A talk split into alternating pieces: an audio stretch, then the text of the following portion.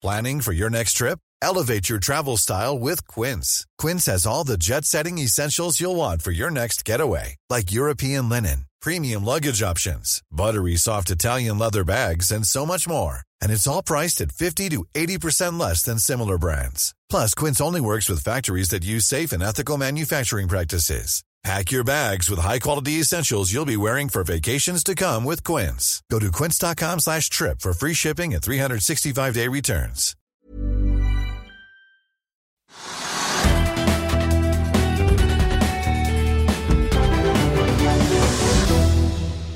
Velkommen til Økonominyhetene mandag 28. mars. Er vi etter en oppgang på Oslo Børs på 2,7 i forrige uke. I dag stiger nye 0,2 men det er ikke takket være oljeprisen. Den er nemlig ned 3 hvis vi ser på spotprisen på et fat nordsjøolje, altså brent, som nå ligger inne på 114 dollar og 50 cent.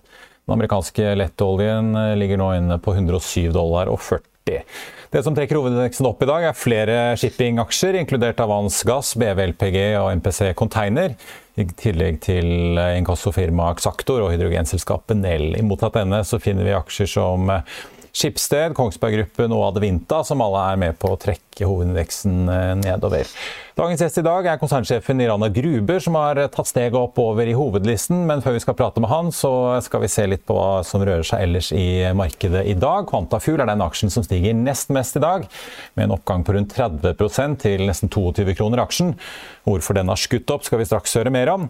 Den aksjen som stiger aller mest, det er Instabank. Aksjen er opp hele 54 i dag, til rundt 3,70 kroner og 70 etter at danske Lunar annonserte at de byr 1,3 milliarder kroner for hele banken.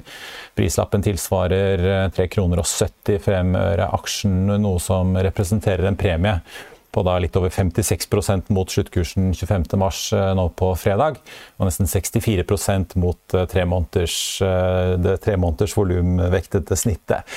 Styret i Instabank anbefaler budet enstemmig, og bl.a. investor Kristin Sveås kan innkassere en pen gevinst på budet. Storbanken DNB øker boliglånsrenten med inntil 0,25 prosentpoeng, kom det frem i en melding i dag. De er ikke de første, det var det Sparebank1 Nord-Norge som kan ta æren av å være. De kom nemlig med varsel på fredag. Men det det selvfølgelig DNB gjør, i og med at de er Norges største bank, blir jo da selvfølgelig lagt eh, merke til. Renteøkningen trer i kraft fra 4. april for nye lån, eller 13. mai på eksisterende lån. og DNB-aksjene er opp 0,9 i dag. Norges Bank sa jo på rentemøtet sitt i forrige uke at de forventet at eh, boliglånsrenten i Norge vil stige fra dagens nivå på rundt 2% til rundt 4% frem mot 2025. Eh, og Apropos Norges Bank, finansminister Trygve Slagsvold Vedum uttalte i dag at eh, det blir et nytt Tromsø-kontor på Folketrygdfondet, eller Statens pensjonsfond Norge som det formelt heter. Det ble først meldt at det var oljefondet som skulle få et Tromsø-kontor, men etter hvert så måtte VG ut og korrigere den meldingen.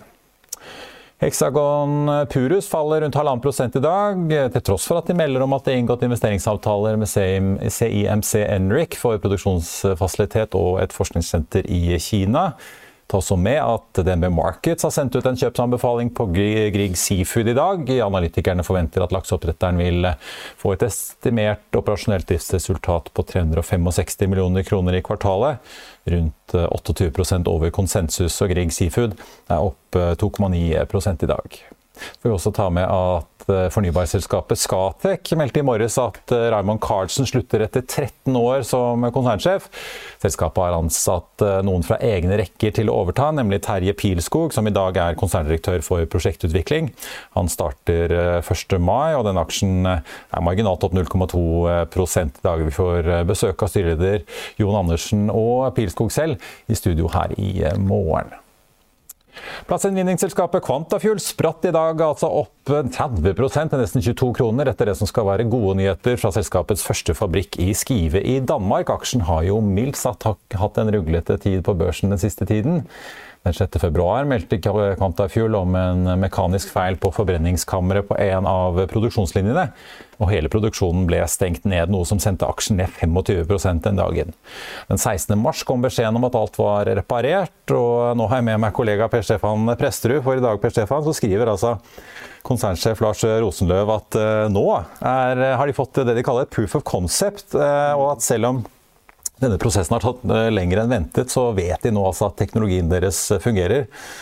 Altså omdanne plast til syntetisk olje og drivstoff. Eh, men hva betyr egentlig dette her at de har proof of concept? Det er jo uh, hele forretningsideen uh, med Quantafuel og, og anlegget Skive er jo, som du sier, å gjøre plast om til olje. Uh, for å få kommersielle volumer ut av dette her, så må, jo, må det kunne prosesseres plast over en, over en viss periode. over lengre tid. Quantafuel har jo produsert visse mengder, men det handler om å rett og slett ja, holde produksjonen oppe. Ja, hvis du kan masseprodusere dette her i gåsehudene. Ja, det er det det handler om. ikke sant? Du skal selge dette i store volumer. Du, eh, du har jo snakket med en del analytikere som har sett litt på dette. her. De snakker mm. jo nå om at de da over syv dager eh, har en produksjon som tilsvarer 16 000 tonn i uh, året. Mm. Men de vil ikke gi noe guiding for dette anlegget i Skive foreløpig. Er det mye usikkerhet fortsatt av hva som kan skje? Det er klart at uh, det er viktig å påpeke at, at fabrikken eller anlegget der nede har jo fire produksjonslinjer. Så det de har oppnådd i dag, gjelder da for to av disse. Uh, og så har du tre og fire også som, som opp og gå. Uh, så klart at uh, Jeg tror nok selskapet etter historien ikke tør å konkludere helt med, med hvordan totalanlegget kommer til å produsere nå. så, så, så litt grann usikkerhet er det nok fortsatt. Men, men det, det, fjerner jo veldig mye. Det viser jo at teknologien som sådan fungerer bedre. Da. Så, ja. Ja, ser, altså vi, hva skal man si, Virkningsgraden, altså andelen eh, produk produkter får ut sammenlignet med hva de tar inn, ender jo da mm. på 68 eh, skriver de. Mm. Noen analytikere er litt skuffet over den prosentandelen. De hadde forventet at det skulle være høyere? Uh, ja, det er bl.a. Uh, Arctic uh, har vel, uh, ja, vært, var vel litt kritiske i, i sine uttalelser om, om lengden på dette. her. For det første så, så sier jo Quantafull at de har eh, syv dager med kontinuerlig produksjon her nå. Eh, det mente Arctic var litt lite. Og så er det sånn at de tallene Quantafull baserer utnyttelsesgraden sin på, da. det er under det, Utgangspunktet er fra en annen guiding enn, det de viser til i dag.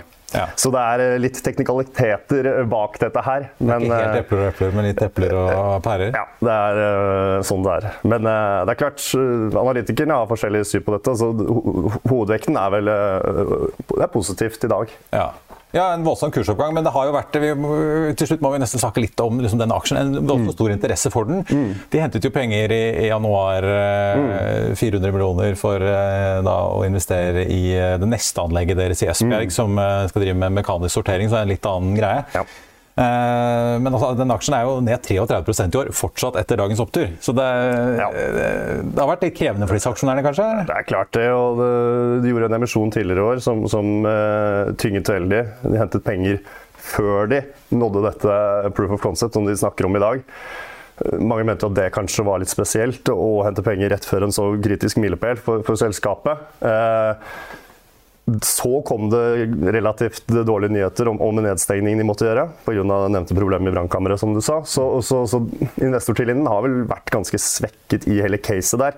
Eh, så det er jo naturlig at du da får en ganske positiv reaksjon da, når du, når du ja, har nyheter som i dag, da, som de mener er veldig positive. Så blir det utvilsomt spennende å se etter hvert når denne guidingen kommer, hva de faktisk tør å love oss på. Ja. ja vi skal følge med. Så får vi jo ta med at da driftsdirektør Terje Eiken har vært ute og kjøpt aksjer i Quantafuel i dag. Han har kjøpt 10 000 aksjer for 21 eh, kroner og 85 øre stykket, og dermed er han oppe i litt over 75 000 aksjer, pluss da altså 400 000 opsjoner får vi jo ta med. Takk skal du ha, Per Stefan. Bare hyggelig. Før vi går videre i sendingen, husk at du også kan se sendingene våre ved å gå inn på fano-tv, og at vi også har andre podkaster enn bare Økonominyhetene, som Morgenkaffen, Gründerpodkasten Veien hit, Ukens vintips, Kunstpraten og bilpodkasten Mil etter mil. De finner du ved å søke Finansavisen der du hører på podkast. Da skal vi over til dagens aksjetipp, og aksjetips. og Det er ikke bare Quantafuel eh, som er på menyen i dag, men også Vår Energi. Og ikke minst da dette oppkjøp av Instabank. To viktige nyheter som har skjedd mandag, er at Quantafuel har presentert proof of concept på fabrikken i Danmark, og at Kristen Sveås Instabank blir kjøpt opp. Det har sendt begge aksjene opp henholdsvis 27 og 54 i dag. Mer om det senere. Tech-selskapet Eco Online har falt og falt på børs, men Arctic Securities-analytiker Christian Spetalen syns ikke fallet er stort nok. Han tar opp dekning på aksjen i dag og anbefaler selv med kursmål på 12 kroner. Han mener dermed at tech-aksjen kan falle enda 23% For å si det enkelt så tror vi ikke at Eco Online kan nå både høy vekst og høy margin. Eco Online er det dyreste software as a service-selskapet i Norden, sier Spetalen. Aksjen faller i dag 1,9 ESG-selskapet Quantafuel har i dag presentert proof of concept og sagt at fabrikken er good to go.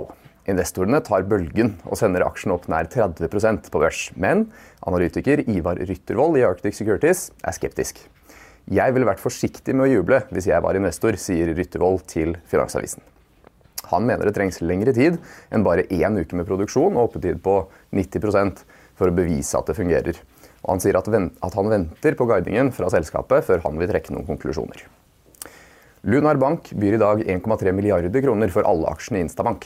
Nyheten sender aksjen opp 54% og Kristen Sveaas, som er 25% av selskapet, kan juble. I forrige uke nevnte vi så vidt at Vår Energis blackout-periode gikk ut i helgen, og hele seks meglerhus har i dag satt sine kursmål på oljeaksjen. Pareto Securities Tom Erik Kristiansen går hardest ut med et kursmål på 60 kroner, som gir 60% oppside fra kursen i dag. Gjennomsnittlig, gjennomsnittlig kursmål eh, blant de seks analytikerne er 44,60 kroner. 20% over kursen akkurat. I'll see you in court. Vi sier det ofte litt på spøk, men for deg som driver business, er det aldri moro å innse at du ikke har laget en 100% gyldig kontrakt. Du bør ikke risikere hele firmaet ditt fordi du synes dette med kontrakter er litt stress. En avtale er ikke en avtale.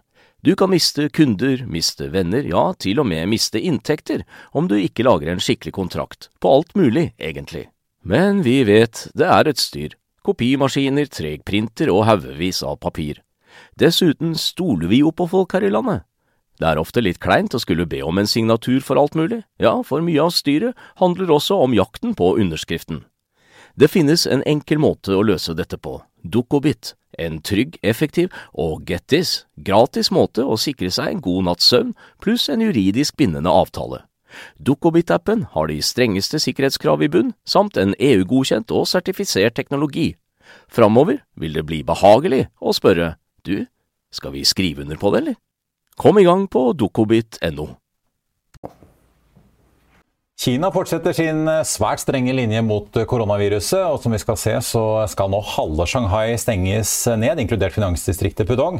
Bloomberg har mer om hva som nå skjer. Uh, Emma, this is just an extraordinary undertaking. Uh, what are they planning to do? And I guess is sort of doing it by halves, is trying to minimise, uh, even though it is still going to be a massive impact on the city.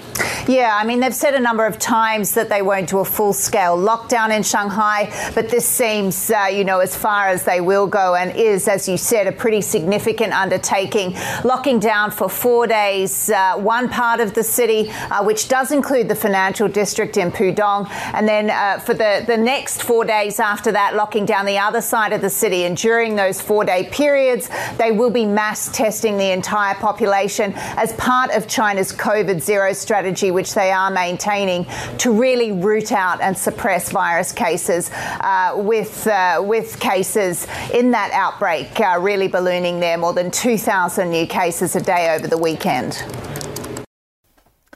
Da skal vi over til eh, dagens gjest, som leder et selskap som i dag har rykket hva får vi si, helt til topps på Oslo Børs ved å bli det første gruveselskapet på hovedlisten. Rana Gruber er jo et relativt eh, ungt selskap eh, sånn rent børsmessig, med en børsnotering 26.2 i fjor.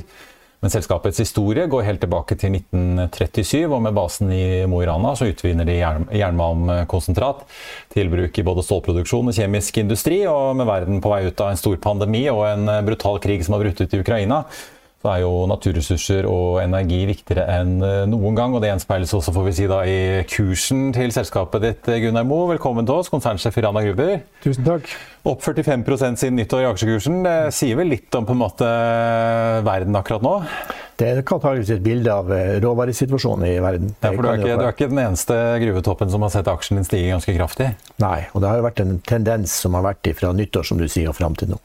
Men fortell, vi får ta, før vi snakker om selskapet, kan vi ikke snakke litt om, om si, børskarrieren deres? Dere kom på børs da i fjor og har vært der et års tid. Nå flytter dere opp på hovedlisten. Eh, hva var driveren bak ønsket om å flytte over? Eh, driveren bak å flytte hovedlisten er egentlig at vi føler det som et industriselskap, en syklisk industri, at vi hører hjemme på hovedlista og ikke på en, en vekstplattform som Euronext. Ja. Det er hovedårsaken. Ja. ja. Og med en lang historie så har dere jo sånn sett uh, ja. historikken til å, til å, ta den. Hvordan var det i dag? da? Det var bjelleseremoni og fysisk oppmøte, antar jeg var lov på Oslo Børs i dag? Ja, det har ikke vært så mange av de de to siste årene, så det var veldig hyggelig. Det var en fin anledning, og det var, det var mange til stede. Både fra børsen og fra folk rundt oss. Så det var en hyggelig sak. Du, fortell litt om eh, virksomheten deres. Jeg sa jo litt om at dere utvinner jo da jernmalmkonsentrat. Ja. Men det er da gruver i, kun i Norge dere driver? Ja. Vi har en, en, en malmforekomst like ved Mo i Rana som har vært drifta på i over 100 år. Eh, som, eh, som, som, gir oss de råvarene som vi trenger på et område som vi sjøl kontrollerer. Og der vi produserer jernmalmkonsentrat for det europeiske markedet. Ja, men det er jo Vanligvis så pleier vi å høre at det er liksom Kina som er den store råvarespiseren i det globale markedet. Er det også det som gjelder for jernmalm? Ja, så til de grader. De, Kina kjøper ca. 70% av all jernmalm som eksporteres i hele verden. Eh, så det, det, er Kina som bestemmer prisen på råvarene, og det er Kina som bestemmer hva som skjer i jernmalmmarkedet. Og, og for så vidt også stål. Ja, for det, Vi vet jo at svenskene er jo også store i dette markedet. Men fortell litt, hvordan er det sett ut? Nå har vi hatt to ganske store endelser. Vi har koronapandemien, som jo vi fortsatt ser eh, påvirke kinesiske byer og næringsliv eh, ganske kraftig med den strenge linjen de kjører. Hvis vi skal begynne med det først. Merker dere noe til det i den eh, kinesiske industriaktiviteten og appetitten for jernmalm? Ja, altså... Det er mye som tyder på at, at det, det, som skjer i Kina, er det som dominerer uansett. Det vil si at eh, Når du får en korreksjon i markedet på jernmalm, så, så, så vi en sånn effekt eh, da de innførte, når de stengte den første byen. Da fikk du en liten dipp. Eh, og, og, og, hva som skjer nå når de ytterligere stenger ned, så, så kan det hende at det har, det har ikke fått noen reaksjon i dag, da, men, men, det kan være en sånn effekt. Men det er jo først når de begynner å se på de store industriområdene at det eventuelt kan, kan få en effekt. Men, uh, men Har dere sett noen sånne svingninger gjennom pandemien? Nei det, nei, det har egentlig ikke det. For Kina kommet, fikk jo raskt kontroll. Så det, som, så det, var nok andre faktorer som, som, påførte, som gjorde at prisen gikk ned mot slutten av fjoråret. Andre halvår i fjor fikk du en ganske kraftig reaksjon. Og så har det gått opp igjen nå, fordi man forventer at eh, verden begynner å normalisere seg i forhold til de store infrastrukturprosjektene som skal i gang over hele verden, også Kina. Ja, for Når var det dere begynte å se at prisen tikket opp? Var det som vi begynte å se olje- og gassprisene stige utover sommeren og høsten i fjor? Ja, så Prisen var på, var på all time high på, på, slutten av første halvår i fjor. Og så gikk den ganske kraftig ned, av, av forskjellige årsaker. Men, men det var bl.a. restriksjoner i Kina. Der man la restriksjoner av produksjon direkte mot stålverkene. Og det påvirker etterspørselen. Og så forventer man jo en, en, en økning igjen etter at OL var over. For da letter man litt på tiltakene. Og den effekten kom jo da, eh, kanskje litt faktisk før OL var slutt. Da begynte stålverkene å kjøpe opp igjen. Og, og, og dermed så stiger prisen sånn stort sett hatt en jevn oppgang etter jul. Ja. ja for Dere skrev jo i regnskapet deres at uh, man tikket opp til rundt 120 dollar tonnet slutten av 2021. Ja. Er det på en måte sånn relativt sett eh, Hvis man sier for at oljeprisen at alt over 50 er bra, hva regner dere i bransjen at dere trenger for å drive god butikk? Altså, når det, Priser over 100 dollar er gode priser. Ja. Du, da, hvis ikke du har gode marginer på det, så har du, så, da har du et problem. Ja. Har du et problem. Ja. så historisk sett så er, er priser over 100 dollar gode priser. Og i dag er den på ca. 150. Men vi har jo sett eh, Nå har jo denne krigen brutt ut, og det har jo skapt panikk. Vi hører fra Yara om eh, voldsomme utslag i mm. alt fra Selvfølgelig naturgass kjenner vi jo til, men også i gjødsel, og det sprer seg videre til matpriser. Mm. Eh, vi har jo sett flere metaller. Aluminium går jo så det griner prismessig. Nikkel ikke minst, hvor handelen i London måtte stanses fordi det var så mye spekulasjoner og en voldsom prisoppgang. Hva har dere egentlig sett i jernbanen? Nei, vi har, vi har, ikke sett noen veldig store effekt av det. Og, og så vil jo så, Først og fremst så er jo det en forferdelig krise for, for, menneskene i Ukraina, for hele Europa og for hele verden. Det, det vil jeg understreke først. Eh, men eh, vi var inne på det så vidt i stad, at jernmalm, prisen på jernmalm settes ikke i Europa. Eh, så den langsiktige effekten den er for tidlig å si noe om i forhold til jernmalm. Så den, den har hatt en, en, oppgang, men ikke en voldsomt sterk oppgang i forhold til andre råvarer. Så, så, så, jeg vil nok tro at fremdeles så vil, det, så vil det som skjer i Kina påvirke jernmalmprisen og stålprisen mer ja. enn det som skjer i Europa. Ja, ikke sant. Eh, vi så jo, nå har jo, altså Dere bruker jo i stor grad så vidt jeg skjønner, av Cargill til å forhandle produktet deres. Ja. Nå skrives jo veldig mye om etter det som skjedde på London-børsen med nikkel, eh, om disse handelsselskapene. Ja. Trafigura var jo ute og hentet penger mm -hmm. rett og slett fordi at bankene krever at de må stille mer sikkerhet. Ja. Ser dere noen tegn for deres del til at markedet som da tar imot produktet deres, tar den type grep for å altså, sikre seg finansielt sett mot for store eksponeringer, og at liksom, mm. ting kan stoppe opp, rett og slett? Nei, vi har ikke sett noe effekt ut av det. Også, og det tror jeg ikke at Cargill sånn sett har noe behov for noe kapital. Men, eh, men eh, er, jeg tror nok at eh, hvis du ser på Europa sånn generelt sett, så er det sånn at vi har eh, Tilgangen på jernmalm i Europa den, den, den vil nok bli påvirka det, det, vil jeg være. Men vi har ikke sett noen sånn grep, noen som har tatt, eh, tatt noen store finansielle grep i forhold til jernbanen enda. Eh, det som er spennende, det er å se at får en del stålverk som kanskje reduserer produksjonen som følge av at de får en, i en overgangsperiode kortsiktig eh, svikt på råvaretilgangen. Det, det kan ja, I, altså, Stålverk i, I Kina primært? Eller? Nei, sannsynligvis i Europa. Ja. av at det, det, blir en del borte fra markedet, fra, fra først og fremst Russland ja. i en periode. Så må det erstattes med andre materialer som, som kommer lenger borte fra. Og det, og det, kan ha en effekt på, i en overgangsperiode på en del stålverk. Det blir kanskje litt gode tider for en del tørrlastrederier? da? Det kan det bli, ja. Som må seile dette rundt? Det vet man ikke. Ja. Du har lurt litt på, i, altså I regnskapet deres omtaler dere også de høye energiprisene, som jo ikke bare har rammet mange norske husholdninger, men ja. også mange norske bedrifter. Mm. Hvordan ser det ut nå? Har dere liksom, Sikrer dere i det hele tatt, eller er dere relativt spot-eksponert? Vi er relativt spot-eksponert. Nå er jo vi i, i N4-området, som gjør at vi har ikke Langt billigere enn her i Oslo, i hvert fall. Ja. Betydelig billigere enn i Oslo. Så, men vi ser jo fremover og, sånn, og, og vurderer det, da. Eh, men vi, lave, vi, er ikke veldig påvirka av, av strømprisene. Eh, det er forholdsvis marginalt. Men det er klart dieselpriser og gasspriser eh, er vi jo, er vi jo eksponert for. Ja. Så det, det, har jo økt en del i det siste. Ja. Men akkurat på strøm så, så har, har, vi vært heldige med vår plassering.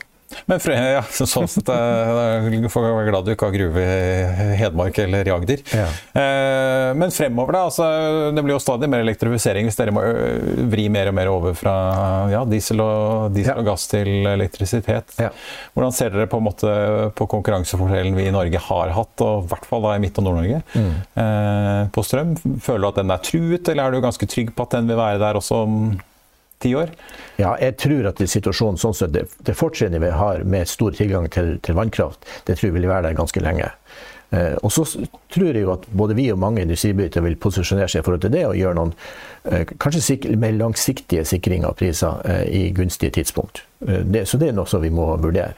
Men for øyeblikket så er vi veldig heldige da, med å befinne oss i det området vi gjør. Ja. Så, så tar det tid å bygge et ledningsnett eh, som skal frakte den krafta som er, er overskuddet i dag, og som gjør at prisene er lave i Nord-Norge. Det tar tid å bli kvitt den. Ja, og det er jo en viss uh, batteriprodusent som vil bygge fabrikk i nabolaget ditt uh, oppe i Mo i Rana. Ja.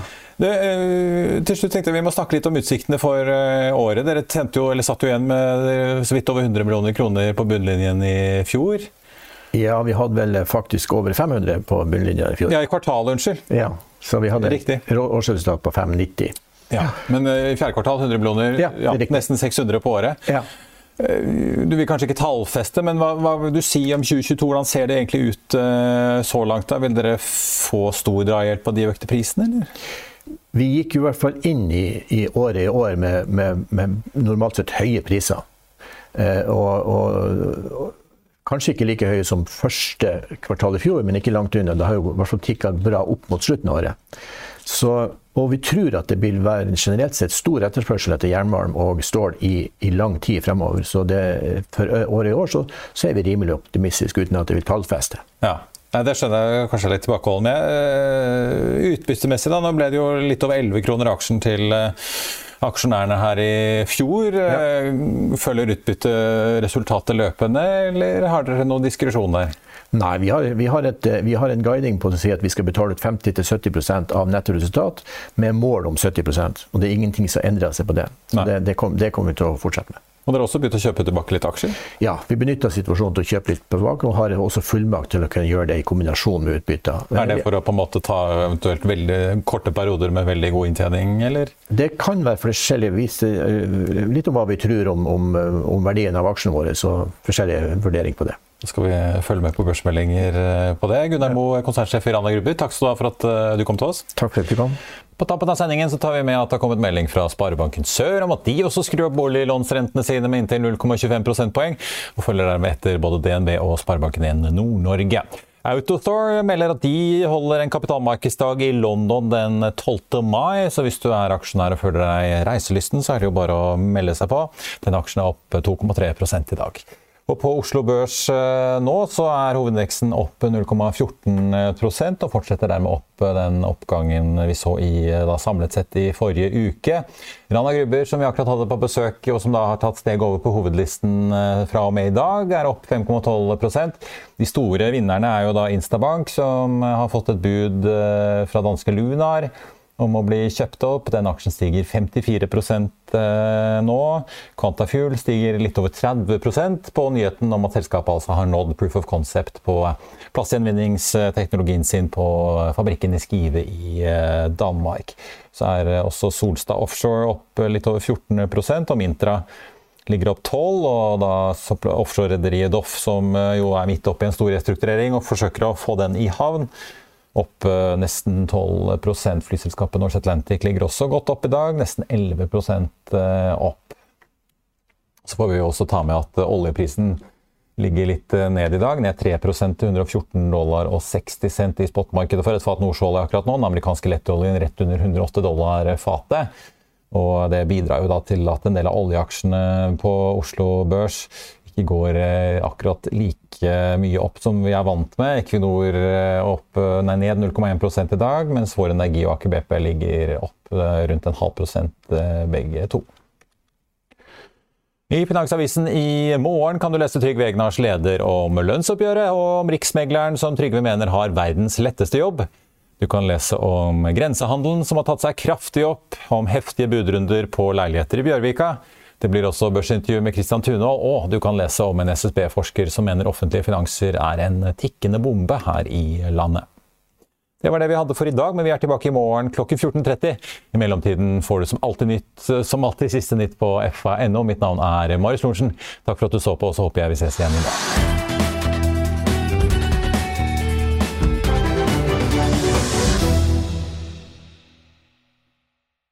Økonominyhetene er en podkast fra Finansavisen. Programledere er Marius Lorentzen, Stein Ove Haugen og Benedikte Storm Bamvik.